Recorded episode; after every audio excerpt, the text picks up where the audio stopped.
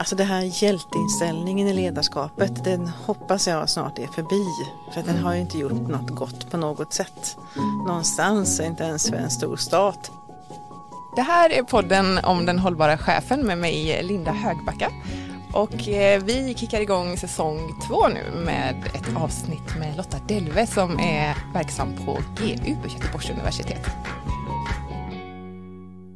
Välkommen hit Lotta. Tack så mycket. Kul att ha dig här. Eh, berätta lite om dig själv. Vad, vad, är det du jobbar med på Göteborgs universitet? Mm, jag är professor i arbetsvetenskap och det är ett flervetenskapligt ämne. Och en av mina forskningsområden är då den hållbara chefen.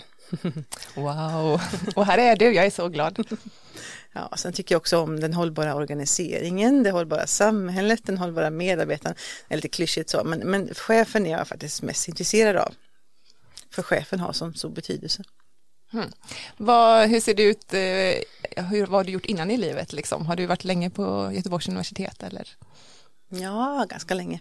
Eh, ja, alltså jag är i grunden är jag sjuksköterska eh, och beteendevetare och skulle först doktorera om funktionshinder och syskonskap och föräldraskap och sen bytte jag över till omsorgspersonalen och arbetsmiljö.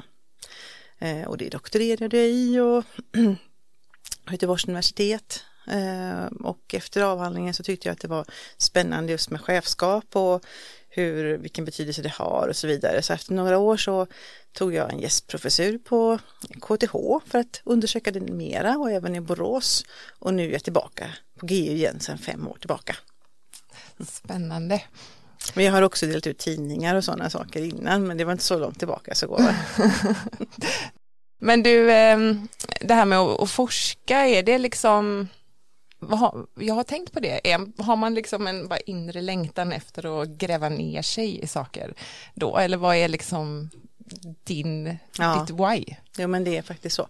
Det är, det är en inre längtan av att få gräva ner sig och få komma på någonting och förstå, förstå saker själv för egen del. Och sen är det också att kunna förmedla det för andra. Men om jag ska vara egoistisk så är det framförallt min egen nördiga inre längtan att förstå hur saker och ting hänger ihop. Men du, eh, om vi går tillbaka till den här den hållbara chefen då? Är det ett pågående forskningsprojekt? Mm, det är det. Det har hållit på i 20 år faktiskt. Eh, och det är pågående. Det, det handlar om chefer framförallt i offentlig verksamhet. Eh, så det är ju ett, det sinar inte i uppslag om man säger så. Utan eh, tillvaron förändras ständigt och det blir nya styrmodeller och nya ledningsmodeller och nya utmaningar. Så att eh, det är ständigt en inspiration mm. om ledarskap och ledning och organisering. Och det med hållbarhet har ju som en större betydelse, större i samhället, ett globalt perspektiv också. Eh, vad är en värld om inte den är hållbar? Ja, vad är den då? Ja, den är inte hållbar. Där har vi det. Men eh, det var ju flera olika delar sa du, forskningen.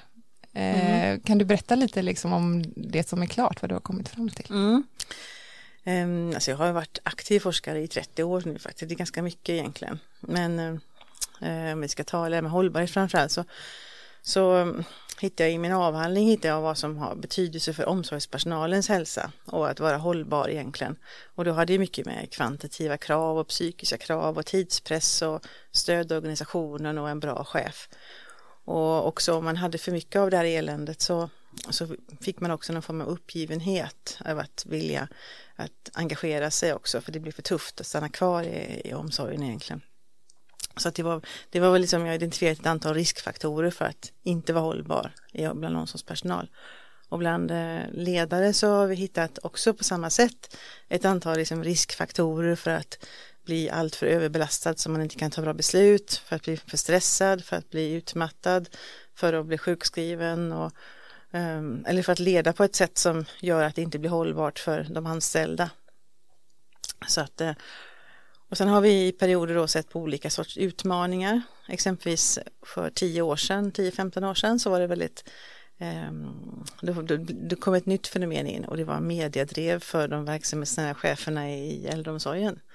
Så då följde vi det ganska ordentligt och såg vad det var som kunde göra att man kunde hantera en sån situation på ett bättre sätt. Spännande. Ja, det var, det var väldigt spännande för det fanns också en, Ehm, det fanns det verkligen en beredskap för att ta emot den sortens kunskap också på strategiska nivåer och man eh, i många fall också utvecklade kommunikationsfunktion och HR-funktion så att det blev direkt en, en för, så mycket bättre för cheferna. Ja, och nu har, när vi ser på det igen så är det ju väldigt få organisationer som inte har en beredskap för sådana här händelser, vilket det var för 15 år sedan. Verkligen. Mm. All right. Vilken press Ja. att göra det själv då. Sen har det handlat en hel del resultat som handlar om verksamhetsutveckling och på vilket sätt som chefer kan ha eh, en funktion eller liksom vara bra i det sammanhanget och det handlar mycket om att stötta det sociala kapitalet och vara lite mer tjänande som chef också. För att, och det tycker jag, det slår igenom mycket av forskningen att som vi har sett att ska man lyckas som chef så ska man vara lite mer tjänande mot den kärnverksamheten. Att man riktar sin uppmärksamhet neråt mot den verksamhet som bedrivs, för det är ungefär det som engagerar faktiskt alla. Snarare än att man riktar sin uppmärksamhet uppåt mot att föda med nyckeltal och eh, olika kontrollfunktioner som strategiska nivåer vill att man ska göra. Och, och vill man då både och att göra en bra verksamhet och ändå vara en duktig pålitlig chef så måste man både föda med data uppåt och föda med service neråt. Och då kan det bli väldigt, väldigt mycket. Och då kallar vi det för några år sedan för hamburgare hamburgareffekten som chefen hade. Just det. Mm. Den berömda hamburgaren ja. Ja. Mm, men du, det här med att tjäna neråt, det var ju intressant. Eh, Kan du berätta mer om vad gör man då? Ja, alltså det var så här, vi, vi, vi var ett projekt som vi skulle titta på hur man, när man implementerade lean production i vården. Eh, och då var det en del som kallade för lean production, andra kallade för processutvärdering eller processvärdering och processutveckling. Men vi tittade i alla fall hur man gjorde och det hade liksom så här marginella förbättringseffekter i vissa fall och lite sämre. Men så tänkte, vi, tänkte jag att jag vill titta på de enheterna där det verkligen ändå har fungerat på något sätt. Vad är det som har hänt där?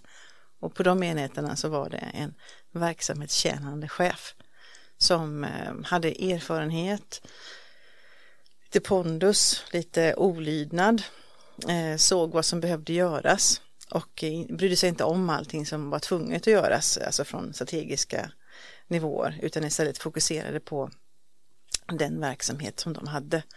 Och det handlar alltså om medarbetarna och det handlar om eh, patientflöden och det handlar om att få att det ska bli diskat och allt möjligt liksom högt och lågt för att få det där viktiga att fungera som handlar om vård då egentligen.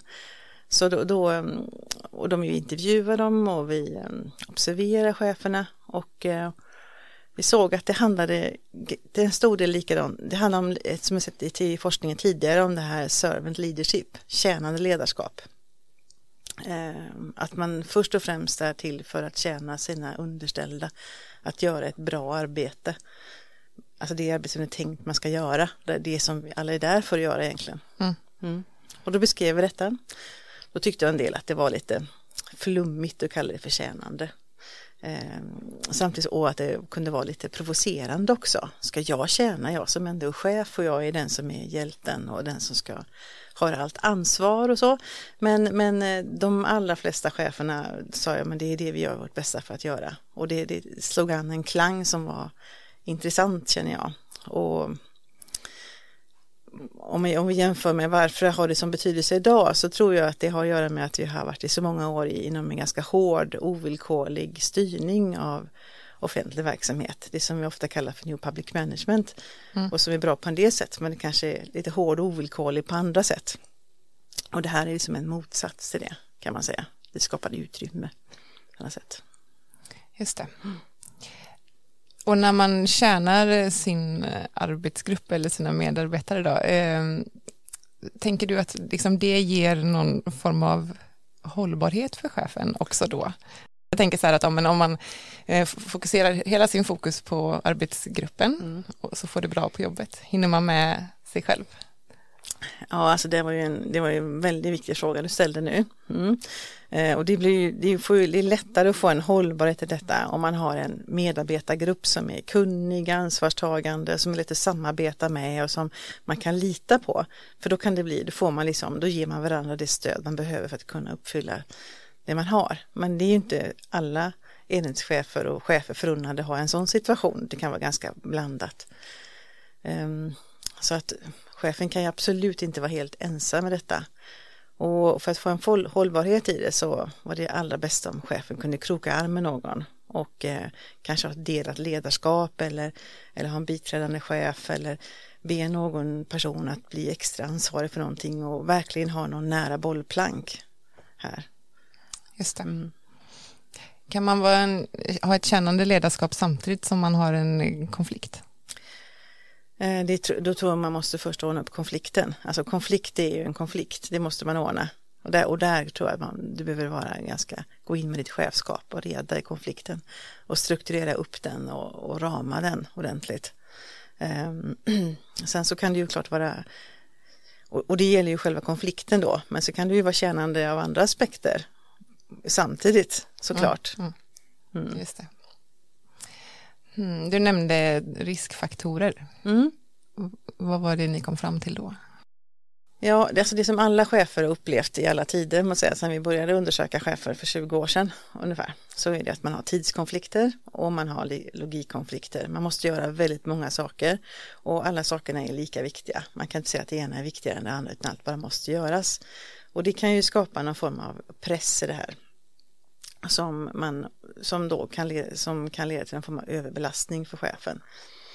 Här behöver man framförallt ha stöd från sin egen chef för att kunna, för att kunna alltså, se vad är det egentligen jag ska prioritera nu för veckan har inte mer än ett visst antal timmar och ofta är det fler än 40 för chefer. Jag ska inte säga hur många det kan vara för det är inte bra att ge exempel på 80 timmars veckor och sånt där men det är en del chefer jobbar ju väldigt mycket mm, och även om man jobbar väldigt, väldigt mycket så hinner man inte med allt det som är tänkt så man behöver bolla med någon eller ha erfarenhet nog för att kunna sortera bort saker som inte märks som man sorterar bort och så. Så att det här eh, tids och var en väldigt viktig sak. En annan riskfaktor var det här med lite mer etisk stress. Och det gör man inte om man jobbar efter sitt bästa förstånd på ett sätt som man tycker är legitimt och man har en ledning som inte tycker det är legitimt utan tycker att man behöver jobba på ett annat sätt, som en annan sätt att tänka på hur man bör jobba. Mm. Eh, alltså är det resultat som gäller eller är det formen på vägen dit som gäller? Och där kan det lätt bli en konflikt och då kan det komma någon form av etisk stress och det för de som har den här så är det ju värre såklart. Mm. Mm. Just det. Ja. En annan så här riktigt en vanlig stressor för chefer det är ju styrbrister i organisationen. Att, att ledningen och styrningen är hård och ovillkorlig och tvingar på en standardisering och uppföljning som man uppfattar vara orimlig och oangelägen där man är. Och sen är den så hård så att det tvingas göras i alla fall. Eh, mitt i detta. Det är mm. väl den, det är, kanske, det, det, är en av de mest vanliga orsakerna till överbelastning för chefer. Just det. Mm. Har det någonting med kreativitet att göra? Ja visst, det har det ju klart. Eh, du har inte utrymme för kreativitet om du måste uppfylla onödiga saker med ovillkorlighet. Mm. Vad gör kreativiteten för, för stressnivån, säger jag, tänker jag. Uh, nu känner jag att det var en sån ledande fråga. Men jag undrar så här, gör kreativiteten något för stressnivå? Alltså det kan man ju tolka på alla möjliga sätt. Alltså dels kan man ju ha en kreativ ledning som hittar på tusentals förändringsarbeten utan att uh, man hinner uppfölja någonting och det kan ju mm. bli stress för de som utsätts för den. Och det kan ju vara en sån kreativ HR-funktion eller förändringsfunktion, det är ju ett kreativt sätt annan kreativitet kan ju vara hos chefen själv, att man kommer på massa saker man vill göra. Ehm, och att man får lägga band på sig lite grann för att inte man ska, att man kan ju inte mm. göra allting. Mm. Men du kanske tänkte på någonting annat? Ja, nej, men jag tänkte mer så här, det här du sa med, med givna strukturer och ja. att ledningen pressar in en chef i givna strukturer. Ehm, då funderar jag på just, eh, det kväver ju kreativitet då, kan man väl säga, eh, ja. låter det som. Ehm, och om man är en väldigt kreativ chef och ska tvingas in i givna strukturer så tänker jag att det borde, det borde göra någonting med välmåendet. Ja, absolut, det gör det.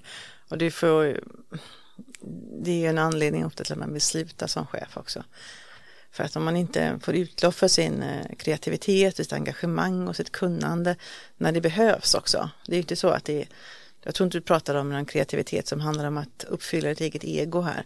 Utan det handlar om att du ser att saker behöver göras Mhm. och du inte får det av saker som tycks vara dumma och utan anledning och handlar mest om oförstånd så väljer man ju ofta att sluta på den platsen. Mm. Mm. Eller, att in, eller också gå under radarn så att man, man rapporterar vissa saker uppåt och sen håller man vad man gör, det håller man neråt med sina medarbetare. Just det. Mm, den är lite lurig också för organisationen för då är det fundersamt på vad som är bäst. Liksom. Att, att inte Ja. göra det eller att göra det och hålla undan det. Ja, och det är, jätte, inte alls ovanligt att man filtrerar väldigt mycket mellan nivåer. Och ibland så har vi sett att de allra mest framgångsrika enheterna där det har varit sån här hård styrning har varit sådana som verkligen har eh, har filtrerat hårt vad de rapporterar uppåt och även sina framgångar för då har man blivit ifråntagen sina resurser då för då tycker de att då behöver de inte ha så mycket medel, då kan vi ge till någon annan och så att det har varit en grov filtrering som har en rejäl sån. Mm. Eh, och det har ju varit en nackdel också egentligen för, då, för styrningen av offentlig sektor. Så därför så har en del då förvaltningar försökt att skapa mer lärande organisationer och tillitsstyrda organisationer. Och då innebär det att man inte, man slutade vara så hårt kontrollerande och så frågar man istället på vilket sätt kan, eh, kan vi eh, stödja dig? På vilket sätt, vilka nyckeltal vill du prata med mig om, säger man. Och då, får man, då tänker man att då får man mer reda på vad som händer på, på eh, vad ska man säga, verksamhetsnivån. Då blir inte den här filtreringen som gör att man inte längre förstår vad man ska styra för verksamhet. Då får man mer information om det. Just det. Mm. Mm. Du pratade om olydnad förut. Mm. Då spetsar jag öronen lite extra. Jo. vad, vad är, hur, hur olydig kan man vara egentligen? Ja, det är frågan om. Alltså det, det är så är det ju lättare att vara olydig om du, är, om du är väldigt duktig chef, om du har varit där länge och förtjänat ganska mycket legitimitet. Mm. Eh, Att, att ledningen egentligen kan lita på dig och vet var din gräns för olydnad går någonstans. Då har du mycket större olydnadsmarginaler. Och eh, sen är det såklart varför är man egentligen olydig? Och då eh, pratar jag om den här sunda olydnaden egentligen. Just det. Ja, det som gör att du kan anpassa arbetet efter det som behövs. Och har du medarbetare som är utmattade och trötta så behöver du faktiskt kunna minska inflödet och, Mm. och så. Mm. Mm. Det är en skill egentligen då alltså. Ja, ja, det är det. Olydnad Taktisk skill är det Ja, också. Mm. precis. Spännande. Vi pratade ju om riskfaktorerna där alldeles innan vi gick av vägen lite grann. Det är så himla spännande. Har du några fler? Alltså jag tänker till exempel nu i den här tiden när vi har coronapandemi. Mm. Eh, dina tankar och forskning kring det? Ja, alltså det pågår ju just nu och vi tittar på vilket stöd chefer behöver ha och kan få. Ehm, och också vilka riskfaktorer det är för chefernas egen överbelastning. Och vi har ju inga svar ännu men vi har vi förstår ju att det är, det är så olika. Det är det. Alltså du har ju både risken att du själv blir smittad, det är en jättestor risk som först var ett, en oro bara, men som nu är helt adekvat risk egentligen. Ehm, Sen har du Eh, Så det är en form av känslomässig oro egentligen. Är det. Sen har du den eh, tajta tidspressen som är. Att det är så väldigt mycket att göra på en del ställen. Otroligt mycket att göra och ingen återhämtning. Och bristen på återhämtning är en av de största bristerna, riskerna vi har överhuvudtaget. Faktiskt. Men när det gäller återhämtningen, Ja. eh, det blir liksom, nu återhämtar man ju sig aldrig från risken, inte ens på fritiden så att säga. Man är ju konstant utsatt på något sätt. Mm. Det gäller ju oss alla, även eh, om man inte jobbar som chef. Vilket jag för övrigt inte gör just nu. Jag pluggar och gör Mm. lite annat. Men eh, om, så även för mig som inte jobbar som chef just nu eh, så är jag ju ändå aldrig återhämtad från oron. Så att Nej. säga. Och den drabbas ju lite olika också. En del är ju mer oroliga än andra för detta. Alltså det är en form av personlig eh, förhållningssätt man har till de riskerna man har också. Hur rädda Mm. vi egentligen är. Ehm, Men, men en, en sak som, som vi är lite intresserade av här också och det är det hur man förhåller sig till risken hur, och sina medarbetare. Hur nära man är sina medarbetare och den verksamheten man är kanske till för att leda och som man behöver leda.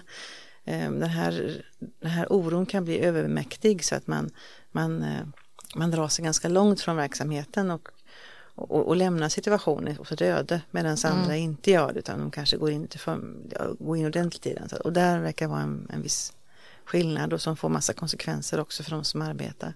Mm. Mm. Just det. Vad tror du, vad är din spaning då, alltså inför framtiden, vad kommer, vad kommer utmaningen vara när vi ska gå tillbaka? Mm, alltså det, det är så mycket som kommer att ha hänt under den här tiden så att det kommer både vara mycket som är mer positivt.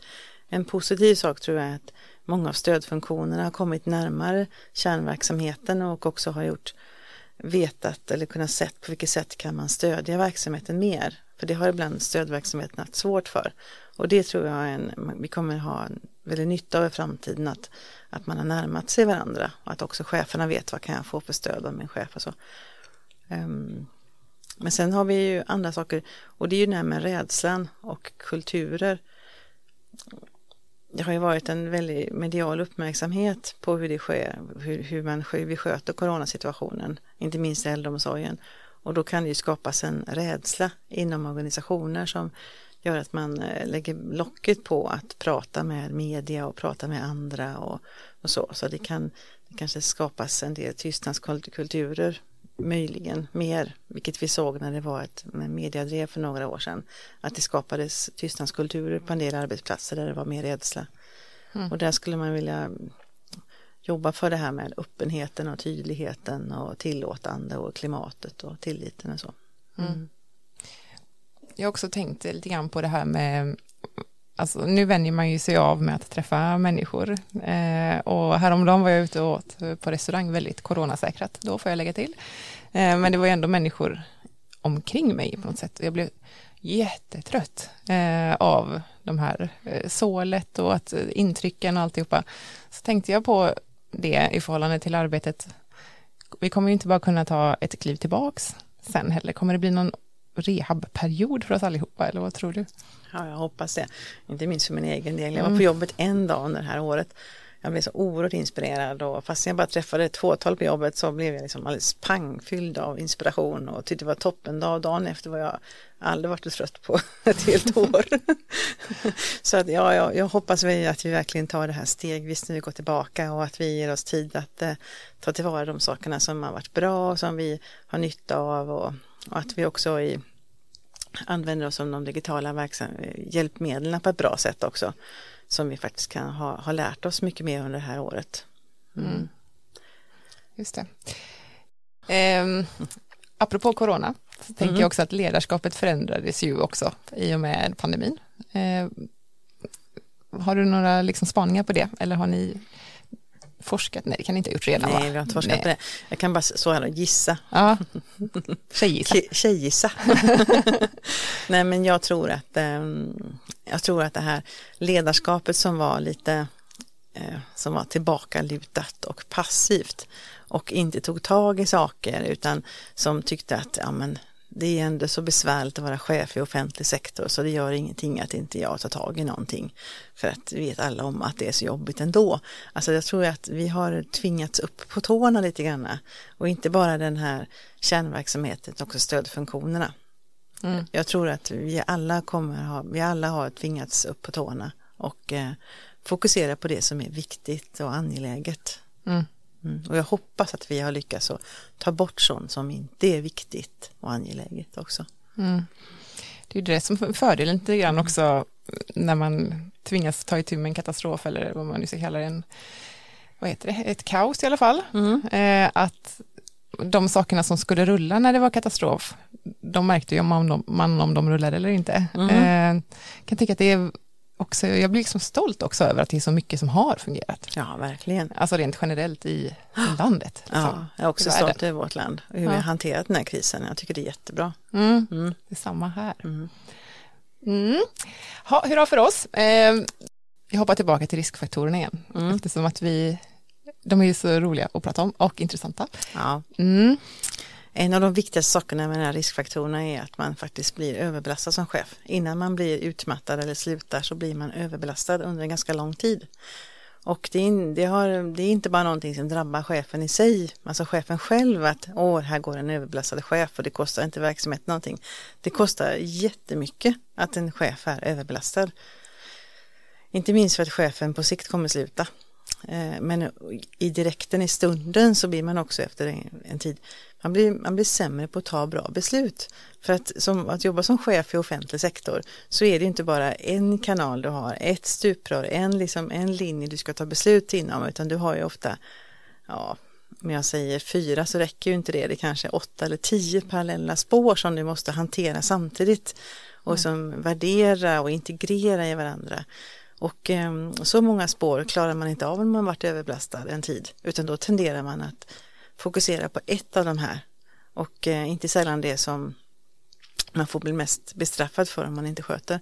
Eh, och det blir ingen bra chef av det. Det blir ingen bra situation av det. Det blir, inte, det blir inget bra ledarskap. Chefen mår inte bra själv att göra på det viset. Det blir ingen bra relation med medarbetarna som också känner att det är så och då får man inget stöd av dem. Just det. Mm. Mm. Möjligen så får du stöd av ekonomifunktionen för du håller budgeten för det är där som du har lagt ditt fokus. Ja, exakt. Mm. Och vad är, så, vad är liksom förändringen som behöver ske där då? Alltså vi behöver tänka på hållbarhet i grunden, att cheferna behöver ha hållbara, de behöver ha hållbara arbetsförhållanden, de behöver ha lagom många medarbetare som de chefer över. De behöver ha en egen chef att bolla saker och fråga med. De behöver ha liksom adekvat stöd av HR och kommunikationsfunktioner och administration. De behöver liksom ha en bra grogrund men det är egentligen det är inte det som gör ledarskapet, det är, som, det är bara basen.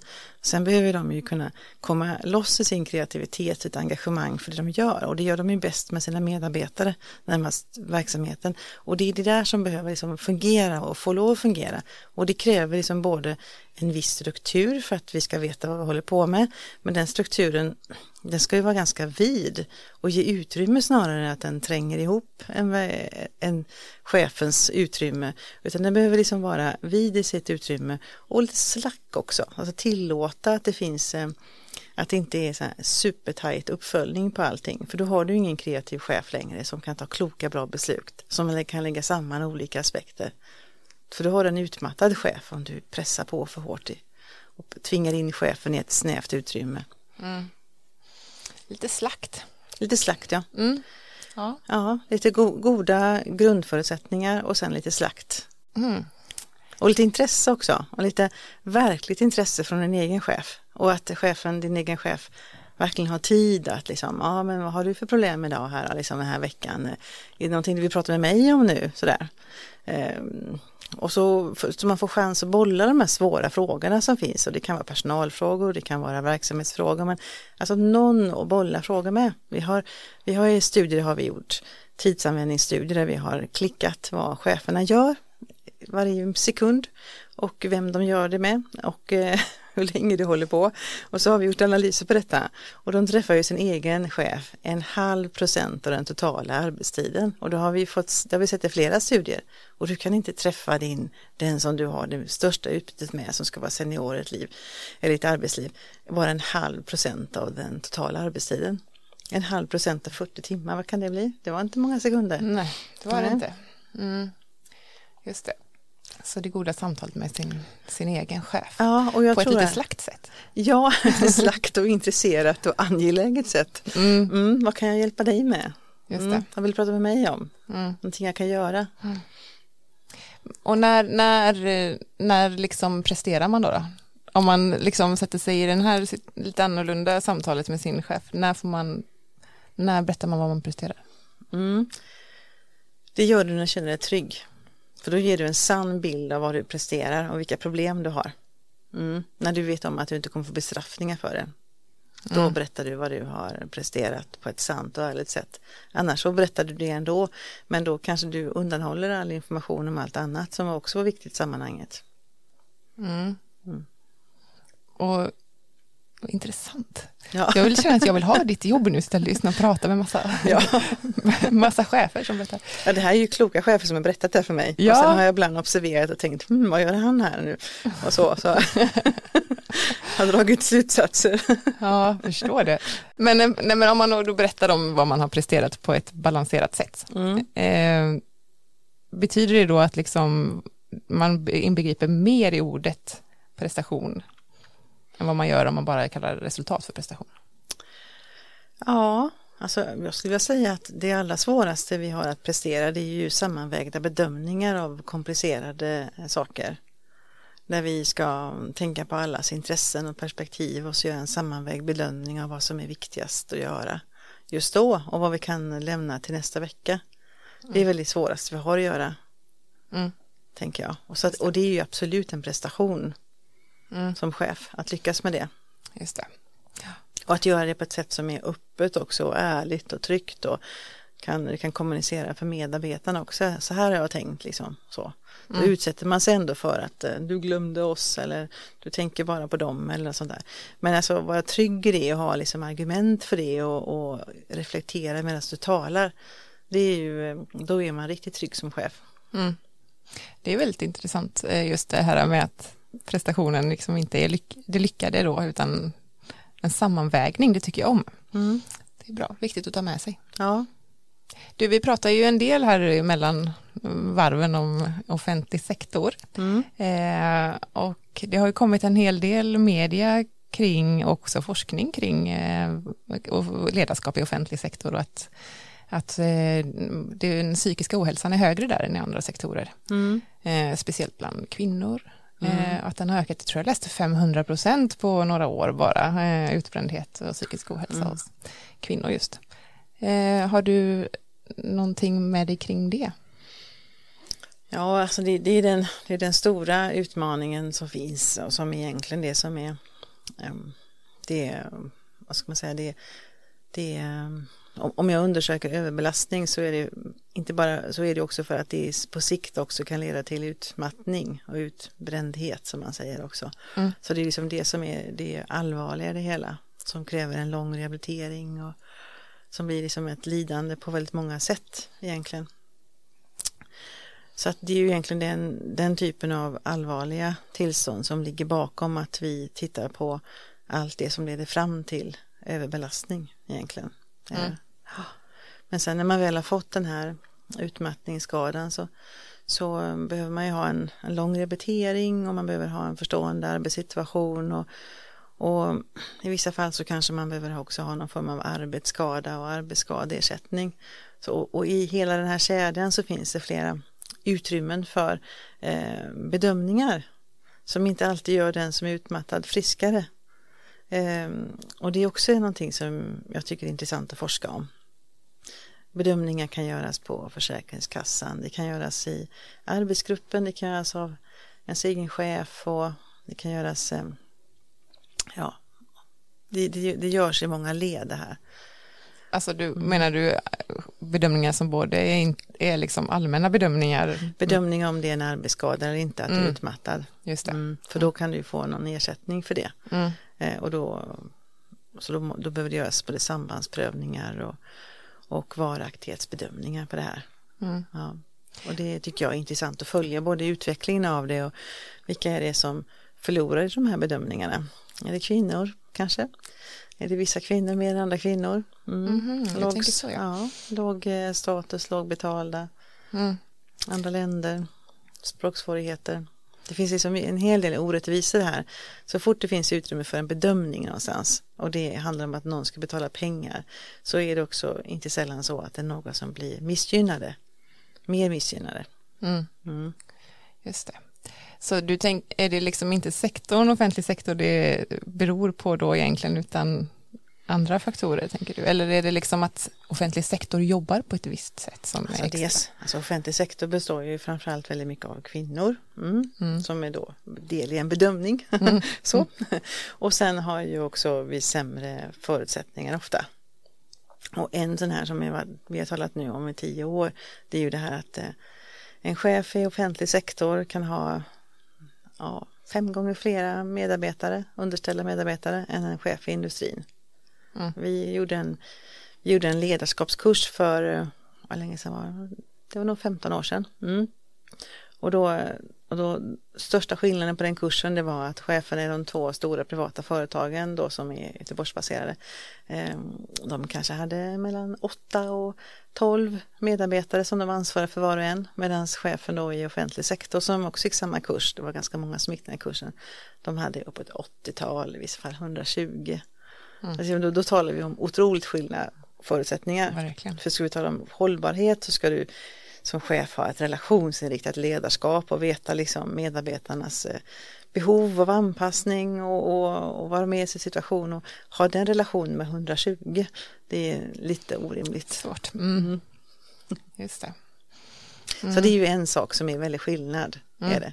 Sen finns det ju andra sådana också faktorer som vilka stödresurser man får och vilket sätt man får hands-on stöd och, och så. Mm. mm. Det här med att offentlig sektor innehar de här verksamheterna som är väldigt eh, eh, mycket mjuka värden i. Ja, och att det alltid finns, eller ofta finns en klient också inblandad. Det finns en omsorgstagare eller vad man säger, en, en brukare, en patient och klient. Mm. Ja, och att det handlar om relationer, inte bara liksom mellan de anställda utan också med, med klienten och dennes anhöriga och, och allas lidande. Mm. Mm. Just det. Mm.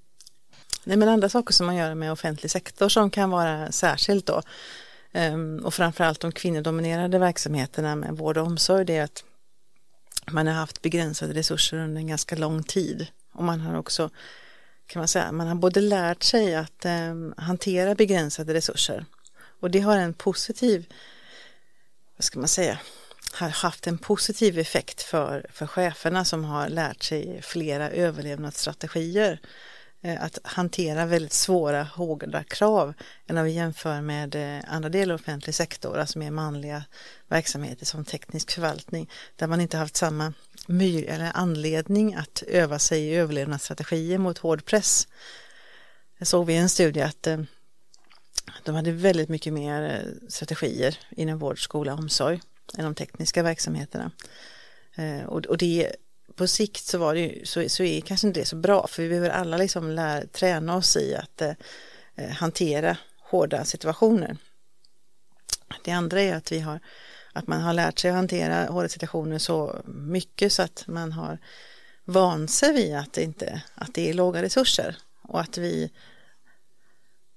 att det, inte, att det därigenom har varit en bristande resurstilldelning till vård, skola och omsorg under mm. en längre tid. Och i samband med coronakrisen här nu så var det ingen som var överraskad över att äldreomsorgen fungerar som den gjorde. Men det blev som ett medialt intresse av att vi var överraskade att det var som det var. Och det vet vi att inte någon var överraskad över det. Vi har bara bortprioriterat det länge. Mm, mm. Just det. Mm. mm. Ja, då, då, då börjar jag tänka att om man bytte plats på chefer då, vad intressant det hade varit. Ja, du är det eh. någon som har gjort en studie om detta, som har bytt plats på chefer. Det ja, det är det. Mm. Eh, och eh, chefer som var då i i teknisk förvaltning och som lyckades då eh, få mer resurser på grund av att det behövdes mer resurser när man byggde broar och vägar och var van att framställa varför det behövdes och bytte till äldreomsorgsförvaltning och framställde det på samma sätt som att nu har vi det här och nu behöver vi de här resurserna för att klara av detta mm. på samma sakliga sätt som jag alltid gjort innan. Inget resultat. Mm. Vad var slutsatsen av studien då? Att det är eh, Alltså det är könsdominerade verksamheter, så kön går in i branschen här. Mm. Eh, och att en del, det vi har genusproblematik helt enkelt. Mm. Ja. Så det är det som ligger i botten. Ja, då kommer vi dit igen. Vi kommer dit igen. Mm. Vi kommer inte ifrån detta. Mm. Och vad, om du fick svinga ett troll, trollspö. Vad hade du gjort, liksom, det första du hade gjort för att påverka genusproblematiken? Mm, alltså jag, jag tänker så vad kan jag göra? För annars så blir det så deppigt ens liv, för man har ju sällan ett trollspöet som ändrar på allt. Men Sant. jag tänker, vad kan jag göra? Mm, alltså, som forskare så kan jag visa tydligt, liksom med siffror och diagram och staplar och eh, sambandsanalyser och i text och säga och så. Och säga det om och om igen och varje gång jag upptäcker det så kan jag visa det tydligt. Så mm. att det blir mindre och mindre chans att eh, komma undan. Mm. Mm. Så tänker jag. Vad tror du om förväntan då? Alltså hos den, chef, den kvinnliga chefen? Mm, förväntningar på vad då tänker du? På sin arbetssituation. Ja, det är också en del i den här eh, genusordningen tror jag. Att man är i vissa fall glad att man får bli, fick bli en chef. Mm. Ja, och inte vill eh, be om mer. Så att eh, man, man, man lägger förväntningarna för låga kan jag tänka mig. Mm. Mm. Man behöver få lite skinn på näsan egentligen. Just det. Mm. För det är ju någon, en sak som har återkommit i några av avsnitten tidigare också det här med att ja, men du är ung till exempel. Du ska Mm. vara tacksam att du fick ett chefsjobb. Mm. Du är kvinna, du ska vara tacksam att du får vara i den här branschen. Ehm, och att liksom olika tacksamhets... Eh, man blir liksom tacksamhetsslav på något sätt. Mm. Eh, och att det håller ju inte över tid eh, riktigt. Nej, verkligen inte. Eh, men det kan ju också vara något som jag inte riktigt har funderat på förut. Att hur liksom vänder man så att eh, kvinnor går in med samma förväntningar på sitt chefsjobb som män gör. Mm. Du menar i stort där? Mm. Alltså jag vet ju bara hur kvinnor har gjort då. För jag var- fascinerad av det här för ett tag sedan. Så att jag intervjuade kvinnor hur de hade gjort då. Mm. Mm. Själva. Ja. Och då förklarar många att ja, men det är ungefär i två års tid som man först har de här naiva förväntningarna. Och, men då märker man att det går ju inte att jobba på det viset här. För förutsättningarna är inte. Jag måste göra en markering, jag måste göra liksom, bestämma själv hur jag ska ha det. Och så, bes- så bestämmer man sig för någonting. Ja, men så här vill jag ha det. Och så ställer man krav och villkor. Ska jag vara kvar här så vill jag ha det på de här sätten. Ehm, och så märker en del hur förvånansvärt lättare det var att få svar på det. Och andra märker hur förvånansvärt svårt det var att få gehör för sina krav. Mm. Det vet man inte alltid innan. Nej, just det. Mm. Det är i alla fall något att ta med sig för oss kvinnor. Att ta sig en funderare. kanske. Ja, alltså i det här fallet var, det, var vi intresserade här med hur man använder sin tid också. Så då, så då hade många bestämt sig för att ja, men jag, kan, jag tänker bara vara på jobbet så här många timmar per dag. Att, och jag tänker bara vara tillgänglig för precis allt under kanske två timmar. Sen behöver jag sitta och jobba med mina med, ja, med, med saker och ting kanske en viss tid. Så man gjorde liksom en struktur för det. Så jag är beredd att ge det så här mycket. Jag kommer aldrig mer jobba en lördag. Men jag kommer jobba på en söndagkväll eller så. Att man gör Mm. upp lite grann villkor för hur man har det och tar det liksom. Mm. Mm. Just det. Det är ju ofta som, precis som du säger också, om man väl kommunicerar de där villkoren eh, så är det ju inte ofta som det är blankt nej. Ändå. Nej, nej, precis. Och i vissa fall så vill, så vill också ens egen chef stödja en men har ingen aning om hur. Och bara att, bara att kommunicera det högt liksom, och säga det högt gör att det kan bli en liten nyckel till det hela. Mm. Och i vissa fall så blir det tvärtom och det ska vi inte skrämma men det, blir, det kan ju ändå bli så att ens egen chef känner sig hotad och så blir det ett problem av det hela. Mm. Mm. Men ofta blir det bättre. Just det. Mm. När jag startade den här podden, då, då var det ju utifrån det här, alltså en frågeställning i mitt huvud, så här, går det inte att vara hållbar och en bra ledare samtidigt? Mm. Varför är det så att vi alla som jobbade som chefer då sa, ja man, man offrar ju sin hälsa för ledarskapet, det är ju så det är. Mm. Vad, liksom, vad tänker du kring det? Mm. Jag tror att det går och att man eh, kan eh, som optimera sin situation genom att säga vad man behöver. Sen så, eh, sen så tror jag också det går genom att man har en att man blir klokare på det här med gränssättning och att öppna sig för stöd mm, och öppna sig för lärande.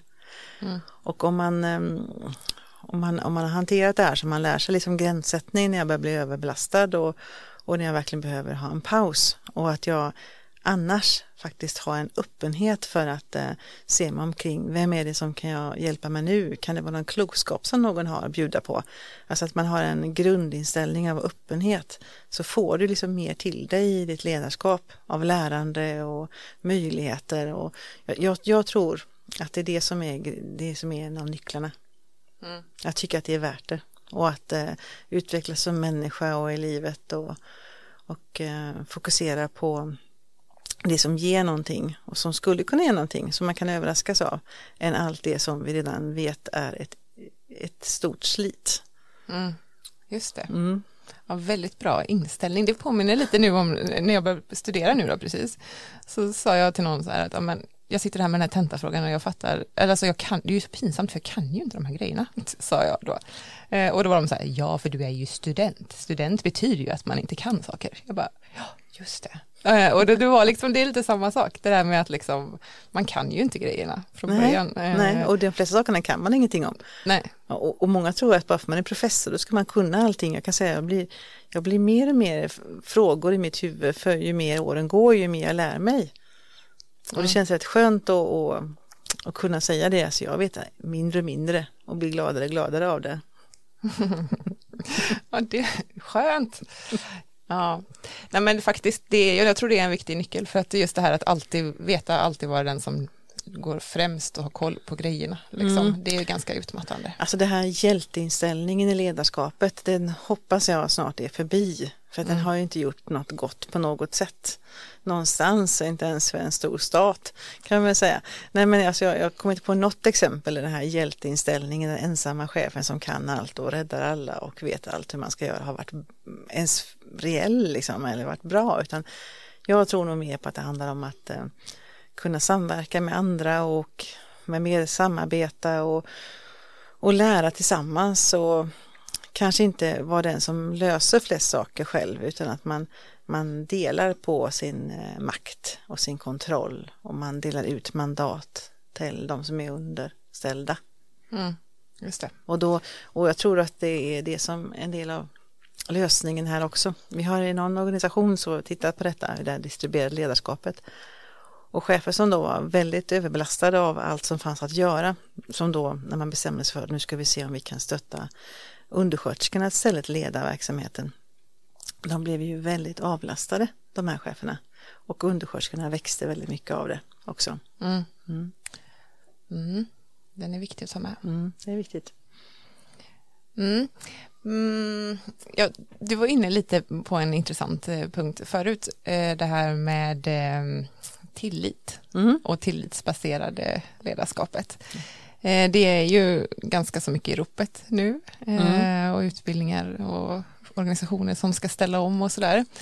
Eh, min fundering kring det har varit lite grann kring hur snabbt kan man egentligen ställa om till en tillitsbaserad organisation? Mm, ja, alltså det, jag tror att snabbheten är problemet här. Om man paketerar in en, nu ska vi ha tillitsstyrning och så tar man en tillitskonsult och så paketerar man verksamheten i detta så är det dömt att misslyckas. Jag tror att tillit är någonting som förtjänas och skapas genom relationer och att man litar på varandra. Det är inte någonting som vi säger att nu har vi det här som styrmodell.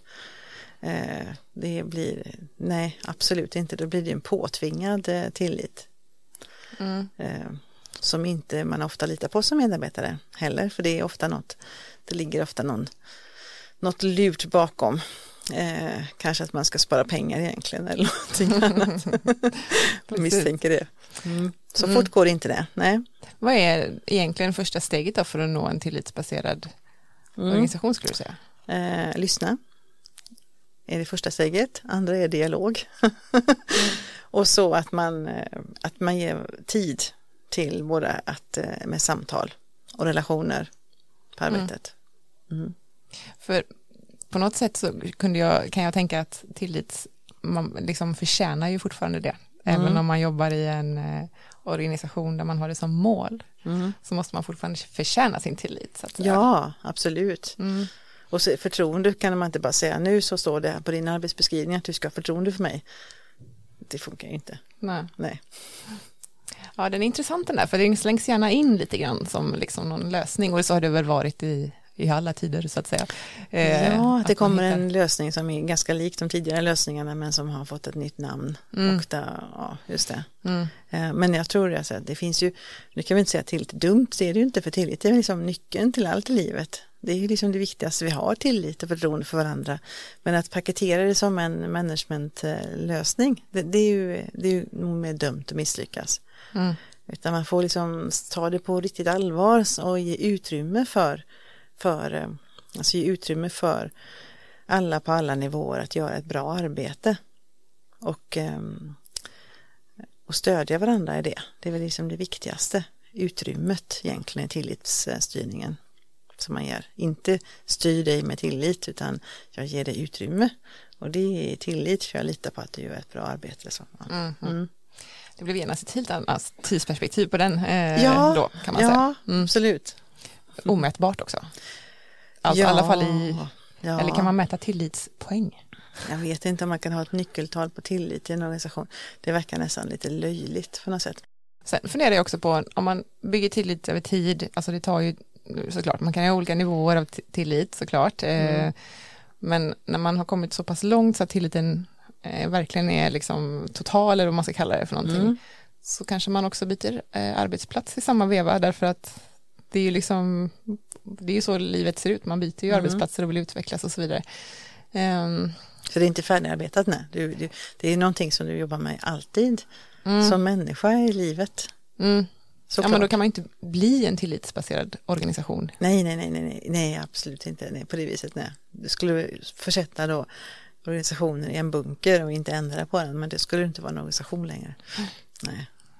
nej, det blir väldigt svårt. Men man kan kanske ha intentionen om att vi, att vi ska ge ett stöd som baseras på tillit, det vill säga vi ska inte kontrollera er och bestraffa utan vi utgår från att ni alla vill göra ert bästa och lära och att vi vill eh, och, och ni utgår från att vi vill stödja er och därför så, så har vi ett tillitsbaserat stöd här att vi frågar vad vill ni ha för, vad behöver ni ha hjälp med just nu och så litar man på att vet den personen den vågar också säga det till mig och då kan jag lättare hjälpa. Alltså det, det är ungefär det, att man ger utrymme för möjligheter egentligen och eh, tänker jag. Mm.